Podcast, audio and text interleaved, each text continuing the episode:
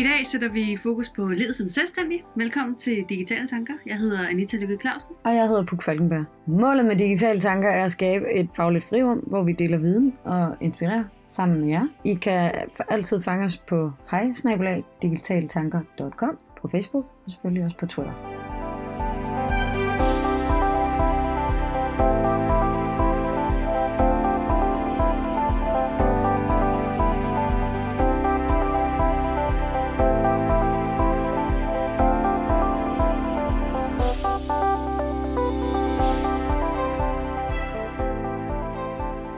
Dag skal vi snakke om at have egen virksomhed. Mm, lidt om, hvordan man finder ud af, om det er den rigtige beslutning for en. Ja, hvad og, det så øh, betyder, når man er i gang. Og øh, hvordan man finder ud af, om man skal stoppe, når lejen er god.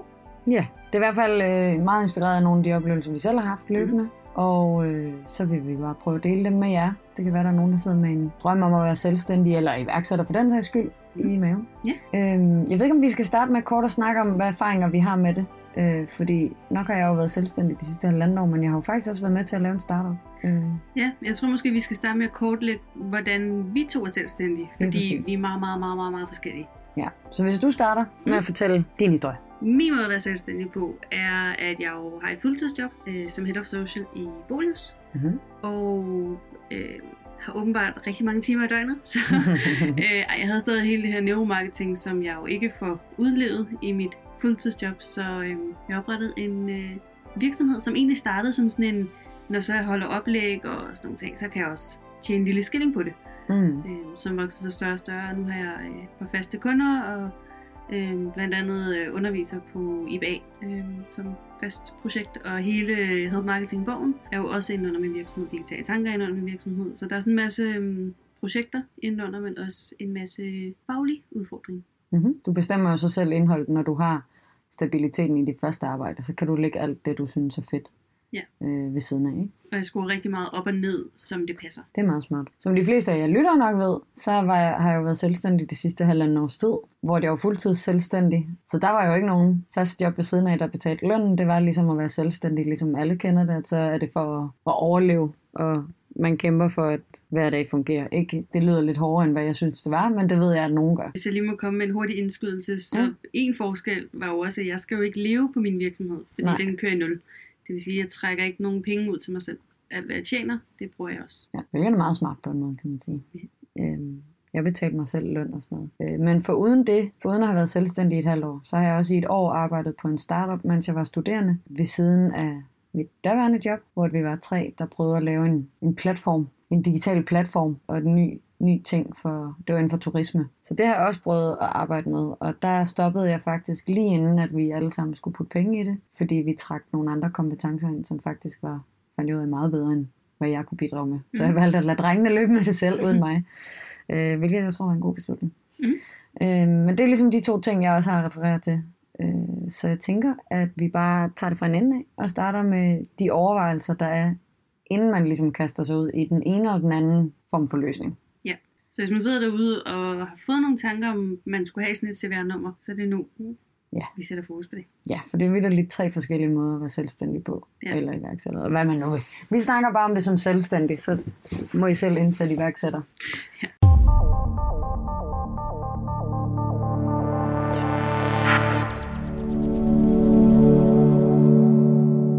Jo lige starte med, at netop det der overvejelserne ved din virksomhed, mm. det handler jo om det der med, at man har timer nok i døgnet, fordi du kører det ved siden af dit fuldtidsjob. Ja, jeg vil sige, man skal virkelig synes, at ens job er rigtig sjovt. Ja. Eller ikke ens fuldtidsjob, men, men det, som ens øh, virksomhed skal forholde sig med, øh, skal være rigtig sjovt. Så det skal nærmest lige så meget være en hobby. Jeg ved godt, det er den der klassiske kliché, men det skal det. Fordi det er rigtig mange timer, man ender med at bruge. Det er det, der skal drive det. Ja at du har overskud, når du kommer hjem klokken halv seks. Ja, og selvom hvis man tænker, at man bare skal holde 10 oplæg om året, og man bare gerne have en lille skilling for det, så skal du meget mere end det. Du ja. har jo øh, moms og årsregnskab, og du har en hjemmeside, og det vil også være smart at få et nyhedsbrev, og øh, du, bliver, du får flere henvendelser som virksomhed mm. øh, af alle mulige. Ja, der er folk, der kan ringe til dig og spørge, om du kan hjælpe med noget. Og sådan ja. noget. Det skal man også være klar på. Ja, så hvis man tror, det er bare de 10 timer, man skal bruge på 10 foredrag, så snyder man sig selv. Ja, og man kan jo sige, at for nogen, der vil din løsning måske også være overgangen, hvis man står og har en eller anden god idé, eller man virkelig gerne vil være selvstændig konsulent, eller leve af at lave hjemmesider, eller hvad man nu gerne vil. Mm så kan man starte det ved siden af sit arbejde og langsomt gå over, og så en dag vælge at tage springet og sige, okay, nu siger jeg op, fordi nu er der sparet lidt penge op i mit eget lille selv øh, øh foretagende, så nu kan jeg godt udbetale mig selv løn. Ja, og det tror jeg er en rigtig god måde at gøre det på. Øh, og lave sådan en glidende overgang. Mm. Det, frem for at lave sådan en fra den ene dag til den anden, så vender man hele ja. hverdagen på hovedet.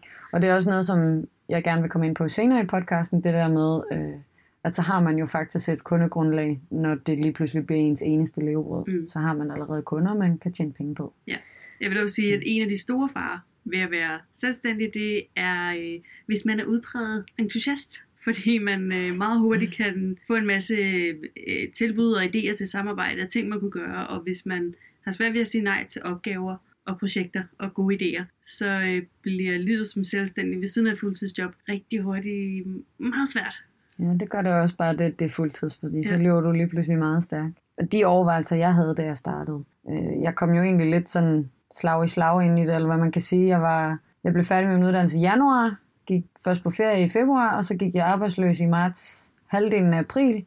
Så var der en, der skrev til mig, om jeg lige kunne være ansat 10 timer om ugen i 10 uger på et projekt og det kan man så på supplerende dagpenge, fandt jeg ud af. Så var der nogen, der ringede og spurgte, om jeg ville komme ud og holde et oplæg for nogle bestyrelser omkring noget sociale medier. Så var der en, der ringede og sagde, at han havde en idræts efterskole, der havde brug for hjælp. Så ringede øh, hans største for den supermarked, og lige pludselig havde jeg så meget, at de nede på, øh, hvad hedder det, dernede, hvor man får dagpenge, de stod og kiggede på mig og sagde, det går ikke på supplerende dagpenge det her, så øh, du bliver nødt til at finde på noget andet. Og min A-kasse rådede mig faktisk til ikke at gå selvstændig. Øh, men det gør jeg alligevel. Hvilket argument havde de, siden de frarådede det? Jamen, øh, altså han sagde sådan noget med, at, øh, at for det første, så ville jeg jo de første måneder ikke have nok penge til at udbetale mig selv løn. Så det krævede, at jeg havde noget opsparing, jeg kunne leve af de første par måneder, indtil alle betalingsfristerne er overholdt. Den supermarked har jo for eksempel 60 dages betalingsfrist. Mm. Så hvis du har lavet noget hele maj, så har de altså juni og juli, og, kan først betale, eller, og behøver først at betale start august. Så han fik ret i det der med, at du skulle have en opsparing at leve af?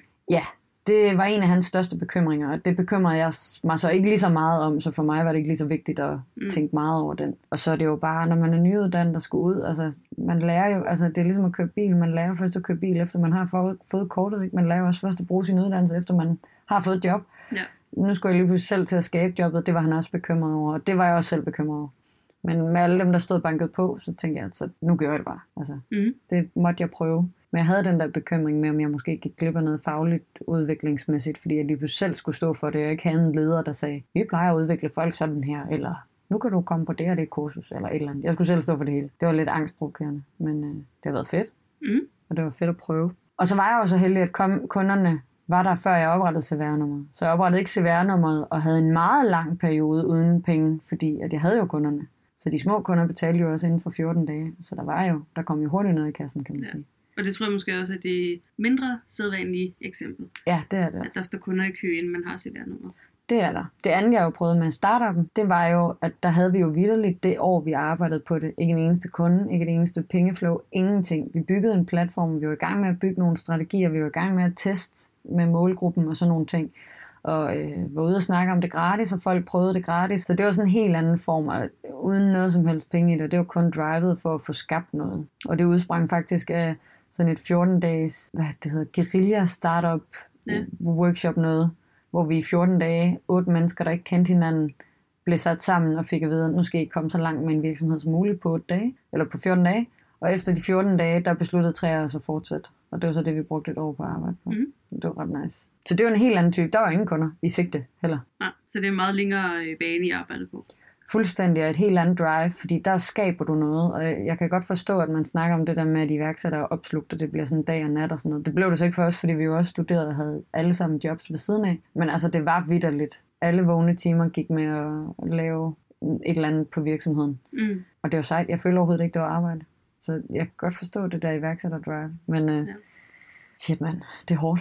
Ja. Det er rigtig hårdt. Jeg tror ikke, den der følelse med, at øh, det ikke føles som arbejde. Jeg tror ikke, den var ved. Nej, det tror jeg heller Uanset hvor meget man... Det er jo ikke, fordi man lige pludselig ikke kan lide sit arbejde, men man går bare fra stadig godt at kunne lide det, men det ikke føles som en hobby mere. Mm-hmm, lige præcis. Og det var også, altså en af grundene til, at jeg jo også gik ud, det var også, altså for det første, så havde ham, vi havde hævet ind, han havde også øh, nogle rigtig stærke kompetencer, så jeg følte ikke som sådan, jeg ville, altså jeg kunne godt undværes på en eller anden måde. Mm. Og så øh, var vi også kommet så langt fra den originale idé, ikke langt, det var stadigvæk i nærheden af hinanden, men sådan, øh, til at jeg, jeg kunne ikke længere, altså det der drive var ikke lige så stærkt ved mig, som det var ved de andre. Mm. Og så er det sgu også bare nogle gange bedre i sådan en situation, at sætte i øjnene og så trække sig. Ja. Altså, så sige, det, det skal I have lov at løbe alligevel. Ja, og for sig selv for projektets skyld. Ja, lige præcis. If you love it, set it free, eller hvad fanden det man siger.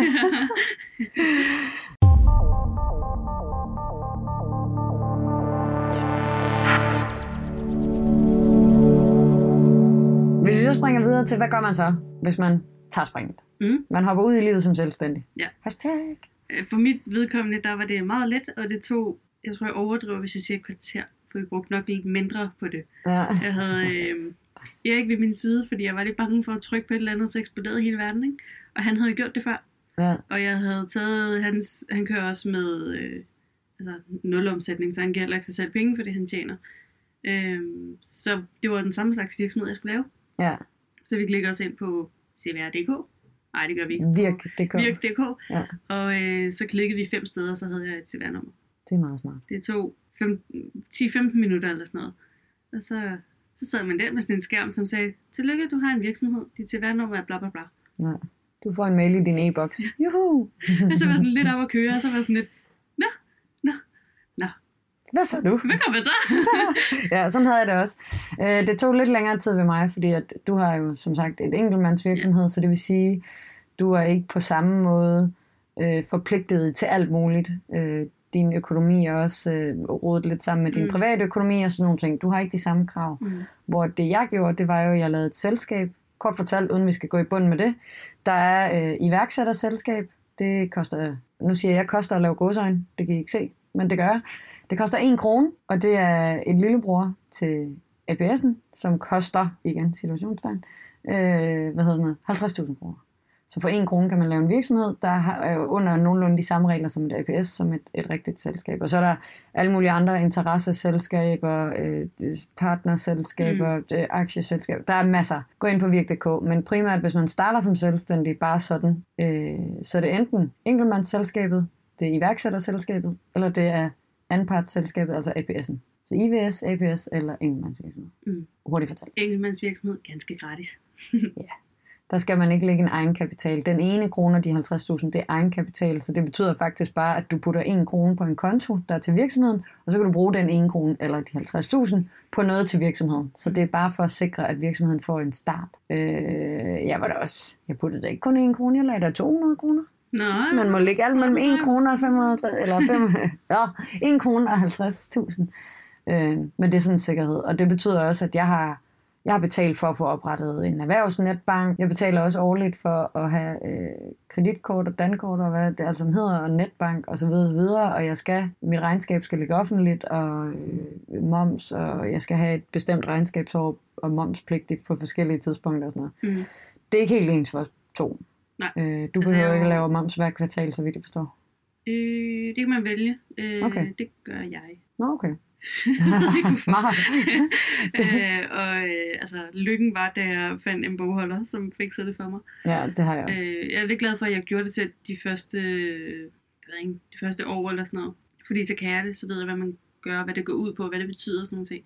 Men jeg gider ikke selv sidde med det.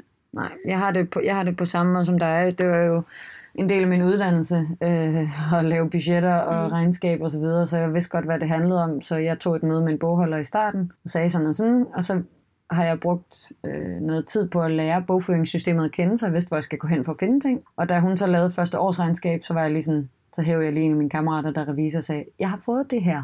Kan du lige fortælle mig det, jeg har spørgsmål til, for med de vendinger, hun har brugt? Øh, jeg vidste godt, det så godt ud, jeg vidste godt, at det var positivt og sådan nogle ting, men mm. der var et, du ved, altså ordvalg, hvor jeg ligesom, lige forstå det her rigtigt. Mm. Øh, men ellers så har jeg også, altså det kan jeg klart anbefale, finde en eller anden bogholder. Det er ikke, øh, Hvis det ikke er noget, man synes er spændende, så, og det er generelt i virksomhed, hvis der er Ja. noget ved at have din virksomhed, som du ikke synes er spændende, så køb nogle timer hos en eller anden, Ja. der gider lave det. køb det, køb det. Virkelig. Og ja. det er, altså, du kan få bogholdere, der hjælper selvstændige og øh, iværksætterselskaber, så det behøver ikke at være sådan noget PVC eller EU, man går til. Okay. Du kan finde små revisorhus eller små bogholdere, som, som gør det for, altså, jeg tror, jeg betaler 5.000 kroner for et årsregnskab, og noget, et par tusind for moms eller sådan noget. Mm.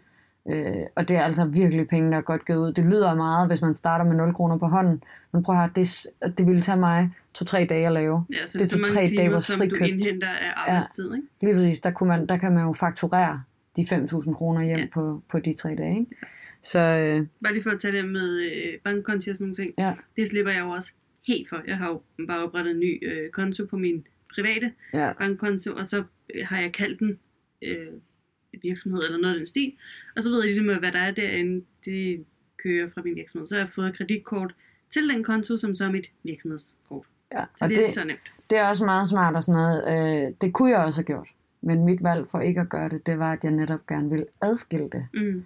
Øh, fordi at jeg ville også gerne ende med at bygge en virksomhed, hvor jeg kunne, kunne udbetale mig selv løn og være ansat ja. i virksomheden. Ja. Og det var også fordi, jeg havde et mål om, at hvis jeg skulle være selvstændig i lang tid, så var det med det formål at få ansatte. Mm. Øh, fordi jeg gerne ville have kollegaer. Så det var aldrig et, et mål om, at det var sådan en, ja.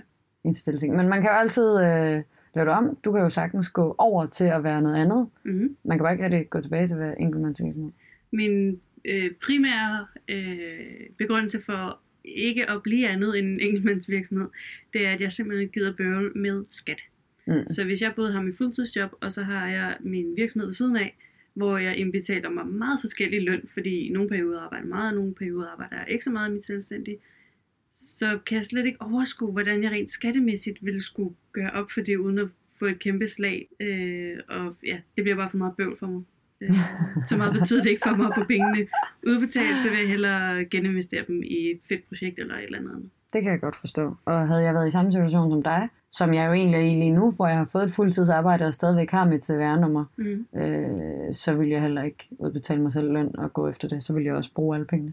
Men det siger måske også noget om, øh, at vores arbejde er mere bare arbejde for os, fordi mm. det er jo tydeligvis ikke pengene, der motiverer os. Mm.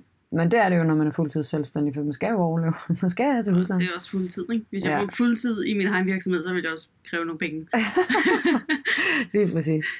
Der er ikke så meget mere til, hvordan man gør. Altså, det afhænger jo af, hvad man vil og hvad man laver. Hvis man er ligesom vi er, så er det godt at have en hjemmeside. Ja. Det er godt at have et eller andet sted, du kan promovere dig selv, tænke over dit personlige brand. Øh, hvis man gør det for at lave en webshop, så er det nok en god idé at lave en webshop, kan man mm. sige. Sælge noget. Jeg overvejede, altså selvom jeg øh, egentlig solgte, at jeg lavede Facebook, så lavede jeg ikke min egen Facebook-side. Mm.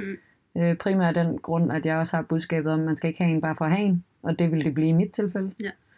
Øhm, man skal have det, fordi man har et eller andet mål med det. Lige præcis. Øh, så altså, gør det, hvis du synes, det bliver en primær god øh, kanal for dig. Men noget af det, man også kan sige, når man er selvstændig og bare er en, så er ens private profil næsten bedre stillet på Facebook, end hvad en side er. Ja, man skal også huske, hvis man lige går Facebook-vejen eller nyhedsbrevsvejen, så skal du også lave indhold ja. med en frekvens, og Facebook er en højere frekvens, end dit nyhedsbrev er. Ja. Øh, Facebook har lavet sådan en autogenereret øh, virksomhedsside for mig, som jeg er pænt irriteret over, men ikke nok til, at gider bøvle med at få den fjernet. Mm. Øh, jeg bruger den bare ikke at vise den ikke til nogen eller noget. Mm. Øhm, og jeg kommer ikke til at bruge en. Jeg skal mm. egentlig bare have en landingsside, hvor folk de kan kigge rundt og blive lidt klogere, og øh, så kan man hente mit speciale og sådan nogle ting. Øh, jeg kan sælge en bog derfra. Jeg har et nyhedsbrev, som jeg kan bruge fire gange om året eller sådan noget. fordi jeg ikke længere producerer så meget indhold, som jeg gjorde, da jeg var studerende. Altså, mm. Det er som om, da vi gik over til at lave podcast, så, så åd det ligesom af den tid, som jeg har brugt til at skrive blogindlæg. Ja. Så, ja. Også mig. Jeg har faktisk næsten ikke blogget i et år af den grund. Nej. Det er ikke så godt. Den har jeg til gengæld planer om at leve op som en del af, at jeg nu har et fuldtidsjob og faktisk kan skrive om det, jeg synes er fedt, øh, når jeg har fri ved siden af bloggen. Det er Men, øh, at sige længe. Ja, det er også. Jeg har da fået ændret temaet på min hjemmeside nu og ændret farverne. Altså små skridt, ikke? Jeg tror ikke, der er så meget mere til, hvad man gør, som vi egentlig kan sige, eller komme med gode råd, fordi at det afhænger med af, hvad man vil. Ja, øhm. men jeg vil gerne, uh, on that note, anbefale uh, en god podcast, der er dansk, som mm-hmm. hedder Startup-snakken. Mm-hmm. Virkelig god. Øh, to selvstændige fyre, øh, som øh, ja, også tager imod spørgsmål, hvis man har sådan nogle. Øh, med dem deler deres erfaringer, de er både kloge, søde og sjove. Ja, og man kan jo også, hvis man ikke har lyttet til den, høre Morten Riesen og hans rejse for, øh, ud i iværksætterlivet. Altså det er jo virkelig, det er jo starter vejen med øh, kapital og investorer og så videre. Den er også meget inspirerende.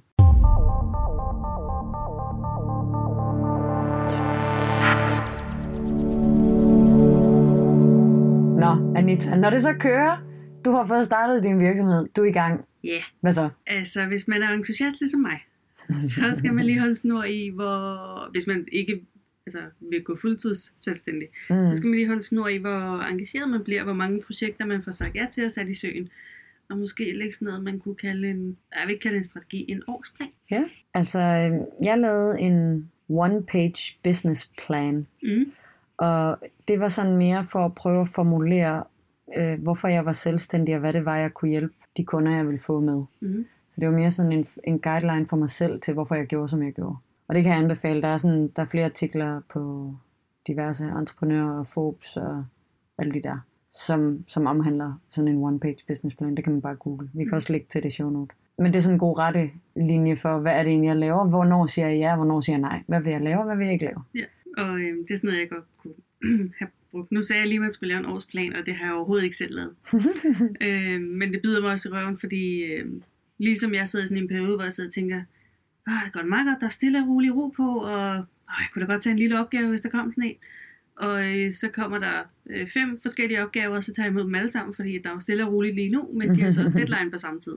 Ja. Øh, hvilket, når man kigger tilbage på den anden side af det, og alt er godt, så tænker man, man også noget meget i sin lille virksomhed på et Ja. år. Men når man sidder i det, så øh, kan man godt sidde i de der perioder, hvor jeg øh, stopper om morgenen, tager ind på mit fuldtidsjob, tager hjem fra min fuldtidsjob for at arbejde. Mm. Og så kører hver dag i et par uger i sådan en cirkel, ja. hvor man arbejder for at tage hjem og arbejde. Det er også bare Og lidt så skal hårdt. man lige sætte fingeren på pulsen og sige, okay, hvorfor er det, jeg arbejder, når jeg kommer hjem? For hvis skyld er det. Mm. Det er jo ikke for pengenes skyld. Mm. Så mindre jeg synes, det er virkelig sjovt lige nu, Ja. det kan man ikke altid gøre, så øhm, skal man lige være lidt god til at projektstyre sin egen tid. Noget jeg jo så også skældnede mellem, det var, at øh, enten så arbejder du i forretningen, eller på forretningen. Mm-hmm. Kender du forskellen? Ja, sidder så bare igen og tænker, det gør jeg overhovedet ikke. Jeg arbejdede i forretningen. det er også forskelligt i forhold til, dit er en bibeskæftigelse, så Ja. Det er begrænset, hvor meget du kan arbejde på forretningen i forhold til at få den til at vokse. Men lige kort for de lyttere, der måske ikke er med på det, så når du arbejder i forretningen, så vil det, for eksempel hvis du står i en butik, så handler det om, at du står og hjælper kunderne. Du arbejder i forretningen. Mm. Øh, når du arbejder på forretningen, så handler det om, at du tænker for de visioner, forretningen skal have, øh, fremtidsplaner, hvordan skal det se ud næste halvår, hvordan markedsfører du, øh, og lave nogle ting, der gavner forretningen, måske på et lidt længere perspektiv også. Og der findes også, igen, altså jeg har virkelig læst mange af de her artikler det seneste halvandet år, hvor jeg har været selvstændig, og før det var der en masse artikler om at være startup. Altså der, du kan virkelig finde mange om, hvordan folk opdeler det med i forretningen og på forretningen. Der er mange, der siger, at den første time hver dag bruger de på forretningen, resten er i forretningen.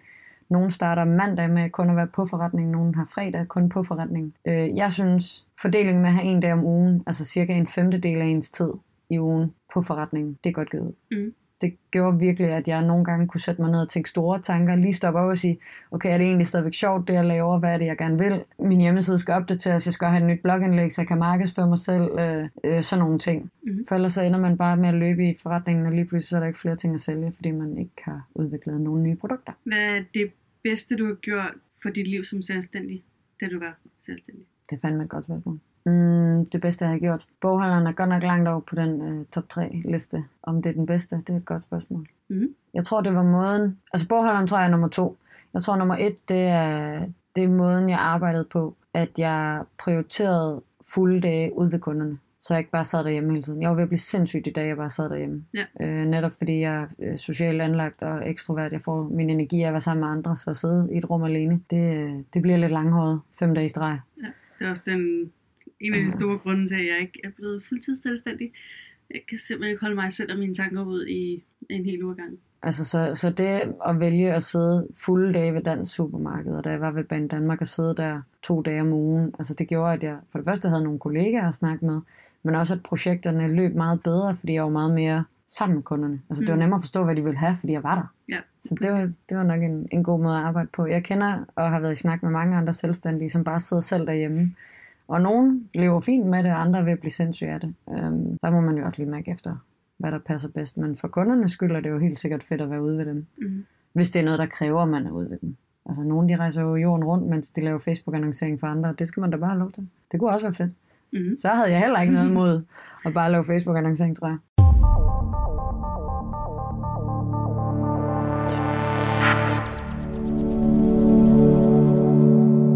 Forhold til salg og markedsføring, altså man kan jo sige, vi har lavet podcast. Det er en form for markedsføring af, hvad vi kan. Og i virkeligheden så startede vi to øh, lang tid inden. Øh, sådan noget med hjemmesider, det havde vi allerede, ja. inden vi havde CVR-nummer. Så vi har markedsført os på de personer, vi er, snarere end den virksomhed, vi har. Ja. Og så som du siger, podcasten selvfølgelig. Mm. Så jeg har ikke på noget tidspunkt følt, at jeg har lavet sådan direkte salg med noget, det jeg har lavet. Det har mere været personlig branding og markedsføring ja. af, af mig. Og det er jo så også derfor, jeg er så heldig at få lov til en gang imellem på SDU at komme og holde et foredrag om personlig branding og network på, mm.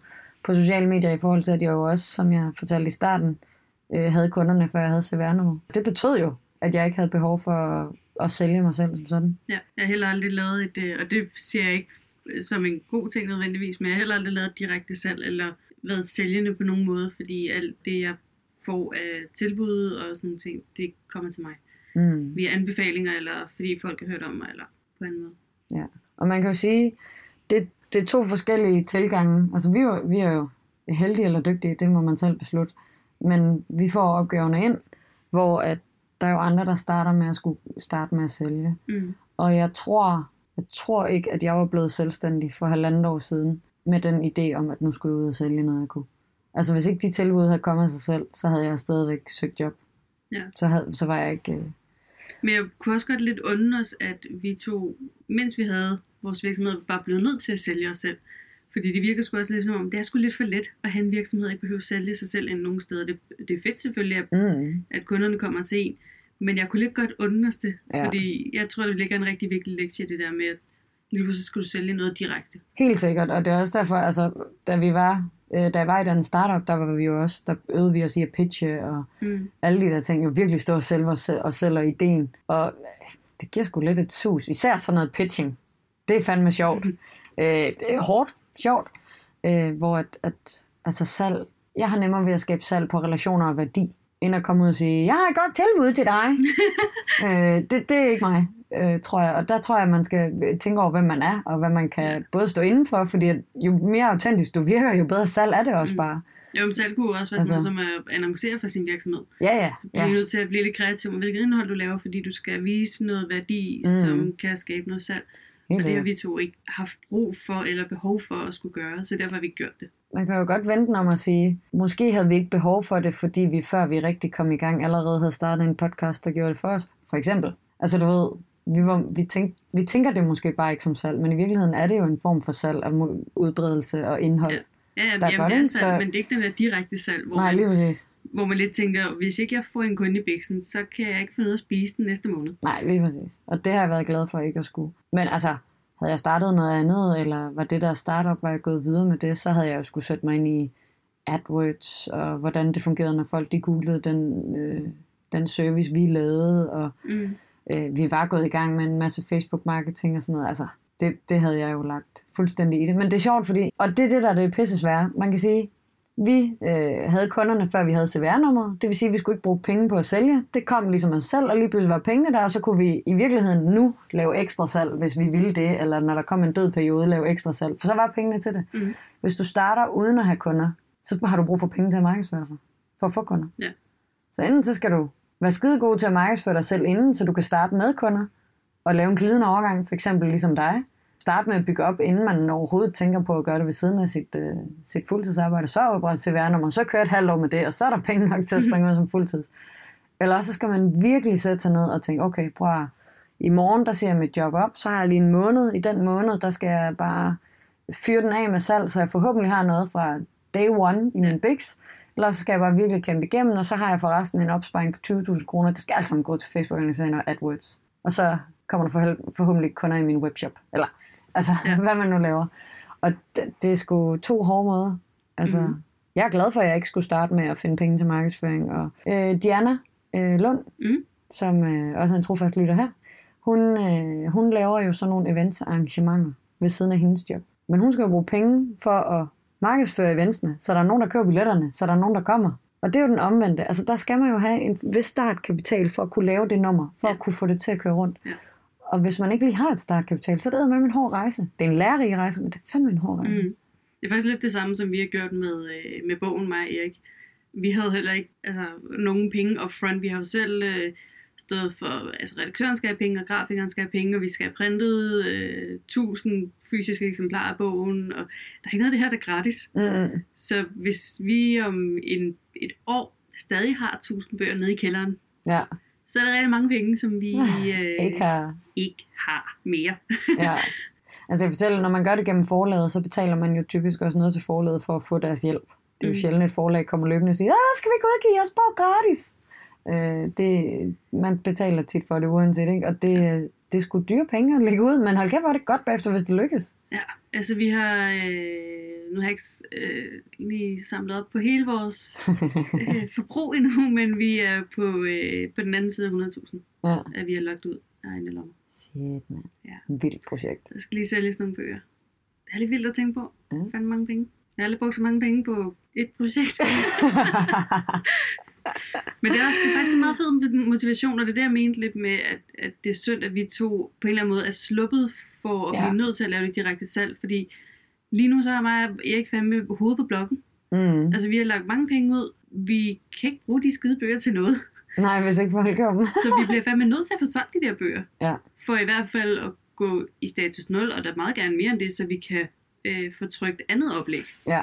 Men det kræver virkelig, at der kommer nogle penge ind i kassen, så man bliver sådan lidt mere sådan, ej, nu skal jeg fandme sælge, ikke? Ja. i stedet for bare at sidde, det ville være dejligt, hvis der kom nogen. Hvis der ikke kom nogen, så er det også okay, jeg kan godt vente lidt endnu. Altså ja. det bliver sådan lidt øh, jomfrueligt på en eller anden måde, hvor kontrasten bliver meget sådan, ja. mere øh, som om man jagter noget. Ja. Jeg er faktisk meget godt lide den følelse. Jamen, det er, også, det er også noget af det, der motiverer folk. Og det er jo også derfor, at folk springer ud, uden at have et kundegrundlag, som iværksætter opfinder et eller andet produkt, en app eller whatever, eller starter ud som frisør et eller andet sted, uden mm. at overhovedet have et kundegrundlag, eller kende kvarteret, eller altså, sådan er det bare. Og ja. det, er, det er fedt for nogen, og det er uhyggeligt for andre. Og... Jeg er glad for, at jeg ikke skal overleve af det. Altså jeg er glad for, at jeg har min, min sikre base, hvor jeg sådan, hmm, jeg kan overleve på det her. Og så ved siden af, jeg kan have som om sådan, hey, jeg er helt vildt hardcore, vi skal lave noget salg, for ellers så når jeg ikke min mål. Eller... Ja. Men ja, konsekvensen er, at jeg har brugt en masse penge. Altså. Ja, men det, er jo, men det er jo også det igen, som pointen også var tidligere. Måske er din løsning den perfekte glidende overgang, hvis man går med de her overvejelser. Mm.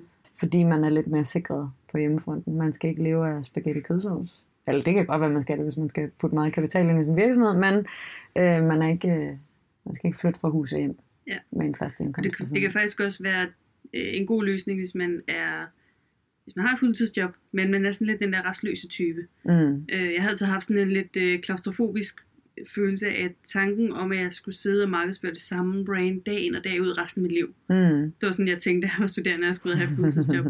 så derfor så er det meget godt at have den der base, som du er glad for, men det er godt at kunne komme ud og lege vildt nogle gange, ja. og så komme tilbage til basen, hvor ja. du kender rytmen og gangen, og alt er rimelig sikkert, som det nu er i organisationer. Ja, det kan jeg også godt lide.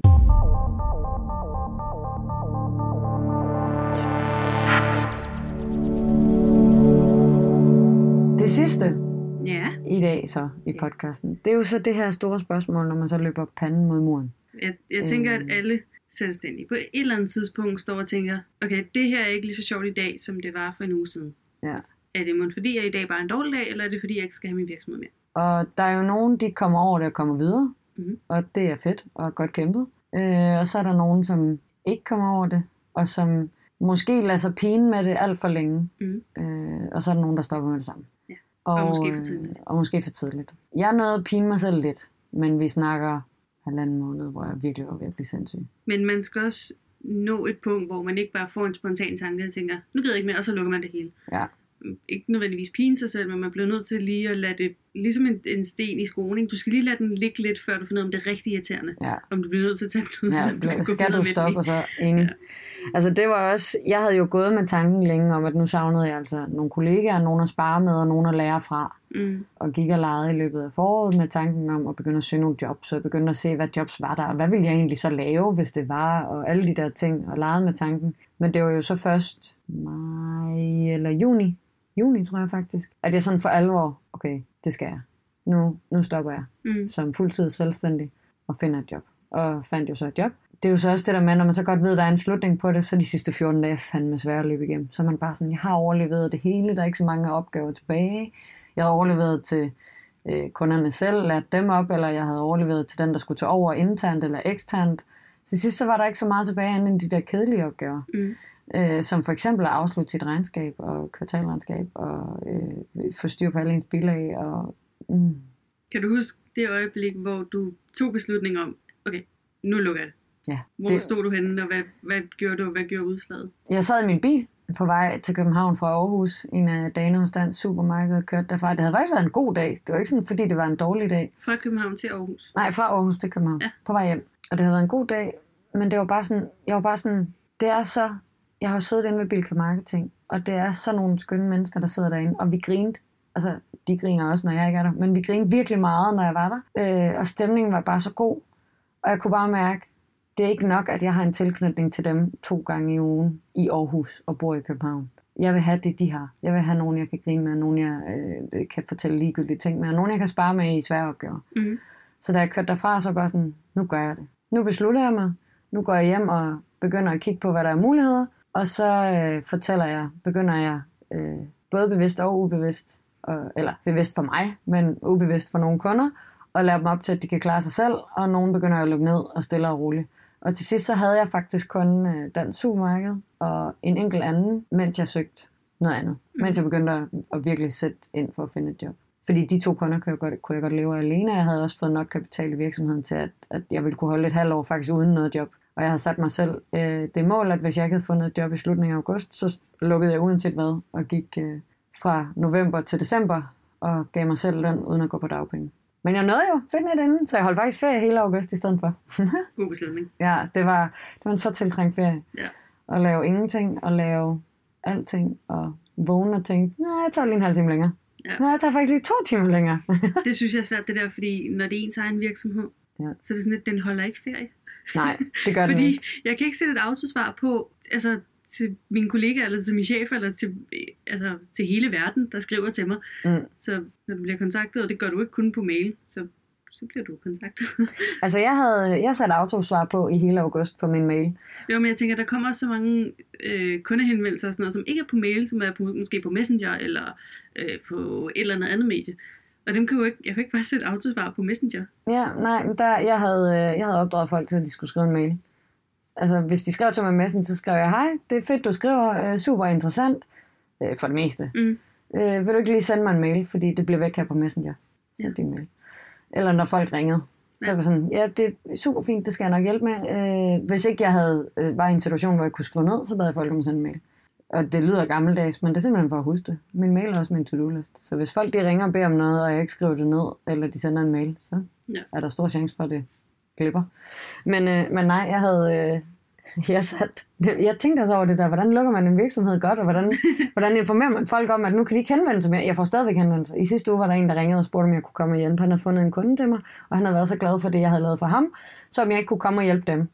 Og sådan, jo, det ville jeg da meget gerne, men jeg er fuldtids nu, så det kan jeg ikke. Nå, Nå, jamen, hvem skal jeg så henvende til? Jamen, jeg finder lige nogle navne til dig. øh, så jeg havde lavet et autosvar på det tidspunkt også, med at øh, jeg holdt ferie i godsøjen. Jeg ville tjekke min mail, og jeg ville svare tilbage. Men øh, faktisk var det, fordi jeg var ved at lukke min virksomhed, og hvis de skulle have nogen, der kunne det, så skulle de derhen, og hvis, sådan lidt referencer og sådan lidt. Mm. Og ellers så skrev jeg så i velkommen til at ringe, så ville vi snakke om det. Men der var ikke nogen, der ringede. Folk forstod det meget godt. Ja. Og jeg havde også, inden jeg satte det på, der havde jeg skrevet til alle, jeg nogensinde har samarbejdet med. Der havde sendt dem en mail om, at nu lukkede jeg altså min virksomhed. Og øh, samarbejderne sluttede, og sådan og sådan og at jeg stoppede fra 1. august. Mm. Der var en, der svarede tilbage, Nå, min virksomhed har været lukket i et halvt år, så var jeg sådan, Nå, det kunne du lige have sagt til mig, eller hvad? Men øh, ja, det synes jeg egentlig var en god måde at lukke det ned på. Altså, jeg har jo stadigvæk CVR-nummer, øh, primært af den årsag, at der er nogle udgifter til podcasten her.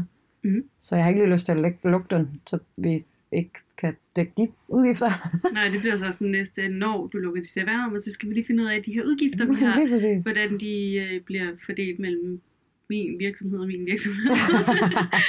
det er præcis. Det, det skal vi have fundet en løsning på. Ja. Øh, men jeg er heller ikke, jeg er ikke fast besluttet på, hvor meget det, det lukkes. Øh, jeg gider ikke at blive ved med at lave moms og regnskaber og betale en eller anden om og, og nej, nej, det. Det er jo bare administrationsudgifter, ikke? Ja. Så øh, det, det skal jeg have lagt en plan for. Mm. Men øh, jeg har da heldigvis lige noget tid endnu, fordi jeg skal lave det næste moms her nu snart. Ja. Hvad med dig? Vil du overhovedet snakke om, om du og måske overvejer det, eller du har snakket lidt om det i datid nu? Øh, jamen, jeg kom hjem fra sommerferie. Mhm. Og havde holdt tre ugers sommerferie. Jeg var sådan helt, wow, det kan jeg ikke huske. Så meget længere sommerferie, end jeg overhovedet er vant til. Og kommer tilbage på arbejde, og når man kommer tilbage på fuldtidsarbejde, så er der altid meget, så er der altid meget at, at vende tilbage til. Fordi mm. jeg kommer også tilbage på det tidspunkt, hvor mine kollegaer var landet fra ferie, de havde været hjemme i en uge eller to, og havde sat tingene i værk, og egentlig, der lå masser af vente på en, men det altid er. Ja. Øhm, så der var masser at lave, og jeg skulle være holdleder på øh, IBA, Social Media Advisor, så stå for ikke bare undervisning, men stå for hele holdet og være øh, altså lige fra øh, vejledning til eksamen og til at være med til eksamen og øh, koordinere med undervisere og det hele setupet. Øh, og det var en stor opgave samtidig med, at vi jo havde en bog, der blev skrevet, og vi havde alle mulige andre ting og nye henvendelser, der kom ind, og der lå også rigtig meget ventet på mig der. Hvor jeg netop kom ind i den der periode med, øh, nu tager jeg på mit fuldtidsjob, og så tager jeg hjem fra mit fuldtidsjob, og så arbejder jeg til kl. 12, og så står jeg op om kl. 6 om morgenen, og så tager jeg på mit fuldtidsjob, og så kørte jeg den der cirkel, hvor jeg bare også i min kalender, kalender ikke kunne se nogen ende på det hele. Jeg kunne ikke se nogen sådan pause Mm-hmm. på det hele, og hver gang jeg bookede mig selv i min kalender, hvor der stod fri, om det så var to timer eller en hel dag, så blev det alligevel en booking, som jeg endte med at må slette, for at kunne nå alle de andre ting. Ja. Øh, hvilket er takken for, at man skriver to-tre bøger på et år, og har en podcast, og er ja. ja. entusiast, og er holdleder, og alle mulige andre ting. Øh, så jeg tager alt muligt, fordi det er fedt og spændende, og fordi man gerne vil. Øh, men der er noget af sådan en, hvis skyld gør jeg det her for. Mm. Jeg gider ikke gøre det for min kunders skyld. Mm. Det lyder meget egoistisk, men basically, nej. Mm. Øh, du tager ikke på arbejde gratis for din chefs skyld. Øh, jeg gjorde det ikke for pengenes skyld. Øh, PT synes jeg ikke på det tidspunkt, det var særlig sjovt. Mm. Øh, ville egentlig bare gerne lige trække vejret, men de opgaver, som jeg havde i virksomheden, kunne jeg ikke bare, dem kan man ikke bare stoppe fra en dag til den anden. Nej, nej, de skal lige afsluttes. Ja. Og, øh, og det var lidt den, jeg ikke kunne overskue, det der med, jeg vil gerne sige stop nu, men det kan jeg ikke, fordi det her skal afsluttes. Og, Mm. Så det blev sådan en periode, hvor jeg havde en masse læs, jeg lige trak igennem, og er ude på den anden side nu, og har besluttet, at jeg lukker ikke min virksomhed, og øh, jeg tror, jeg vil blive super rastløs uden. øh, men det lærte mig den der balance med, hvornår det er sjovt, hobby-ish, og hvornår gør du det per automatik som en eller anden robot, uden at have et formål med det. Ja. Øh, og i hvert fald har lært mig, at jeg skal blive meget bedre til at sige nej, selvom jeg rigtig gerne vil ud alle steder og snakke med alle mennesker og klare alle opgaver og sige ja til alt, hvad jeg får af, af muligheder. Øh, så skal jeg måske blive lidt bedre til at lave sådan en teamstyring og lige kigge ud i min kalender og sige, okay, hvor meget har du sådan en måned før efter den opgave? Mm. Hvis der ligger en anden opgave i samme periode, så du ved, der skal ikke bare være en uge imellem, fordi du har også de fuldtidsjob. Ja, så kan du jo lave dig sådan en, øh, et tillæg til en kommende one-page business plan, hvor du siger, hvornår siger man ja til en opgave? Hvad skal opgaven indeholde? Mm. Det kunne også godt være, at jeg skulle lave en frekvens og sige, at jeg tager kun én opgave om måneden. Det skal være en måned igennem, eller imellem opgaverne. Mm. I praksis ved jeg bare ikke, om jeg vil kunne håndhæve den. Nej.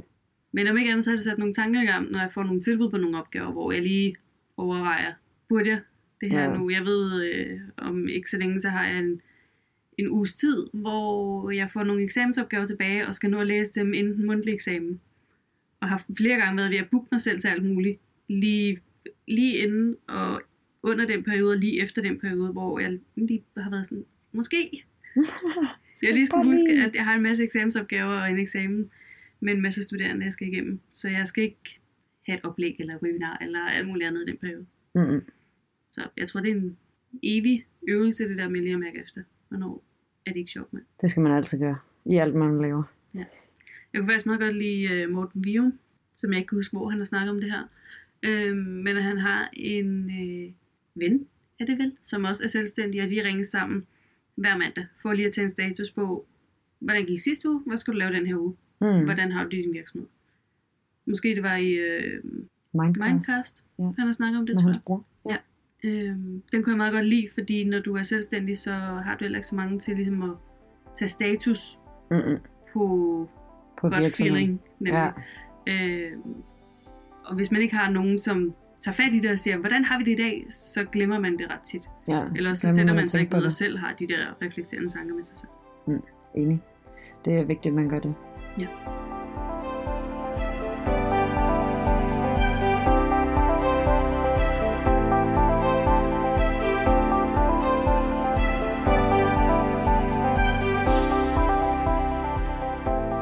Vi snakker lidt længe nu, Mm. men det var vores øh, oplevelser ja. som selvstændige. De tanker, vi har gjort os, og vi håber, det kan være til inspiration for nogle af jer, hvis I vil springe ud i det, eller hvis I ikke vil. Mm. Så vi kan jo sige, hvis man har spørgsmål, eller går med nogle overvejelser, så i forhold til Enkelmanns virksomhed, så er det mig. Og hvis det er alt andet, Ja. så er det Puk. Ja, I, må, I skal være hjertens velkommen til at skrive og ringe til os, fordi altså, ja. Vi, vi hjælper stadigvæk folk, og det er nogle af de ting, vi gerne vil sige jer til. Ja. Øh, så det, ja, ja. det skal okay. I... Podcast, det er sådan en helt samlepakke. Der siger vi ja, Ja. til det hele. Lige præcis. Så øh, ring og skriv, og øh, hej, snabelag, digitaltanker.com, den derudad. Ja, Øh, gerne. det ved jeg ikke, om man grammatisk kan sige, men det gør vi nu. Ja, vores podcast, vi bestemmer. Lige præcis. og øh, øh, Facebook er som også en kanal, og Twitter er også en kanal. Og øh, ja, fyr af, Ja, som man siger tak. på jysk. Eller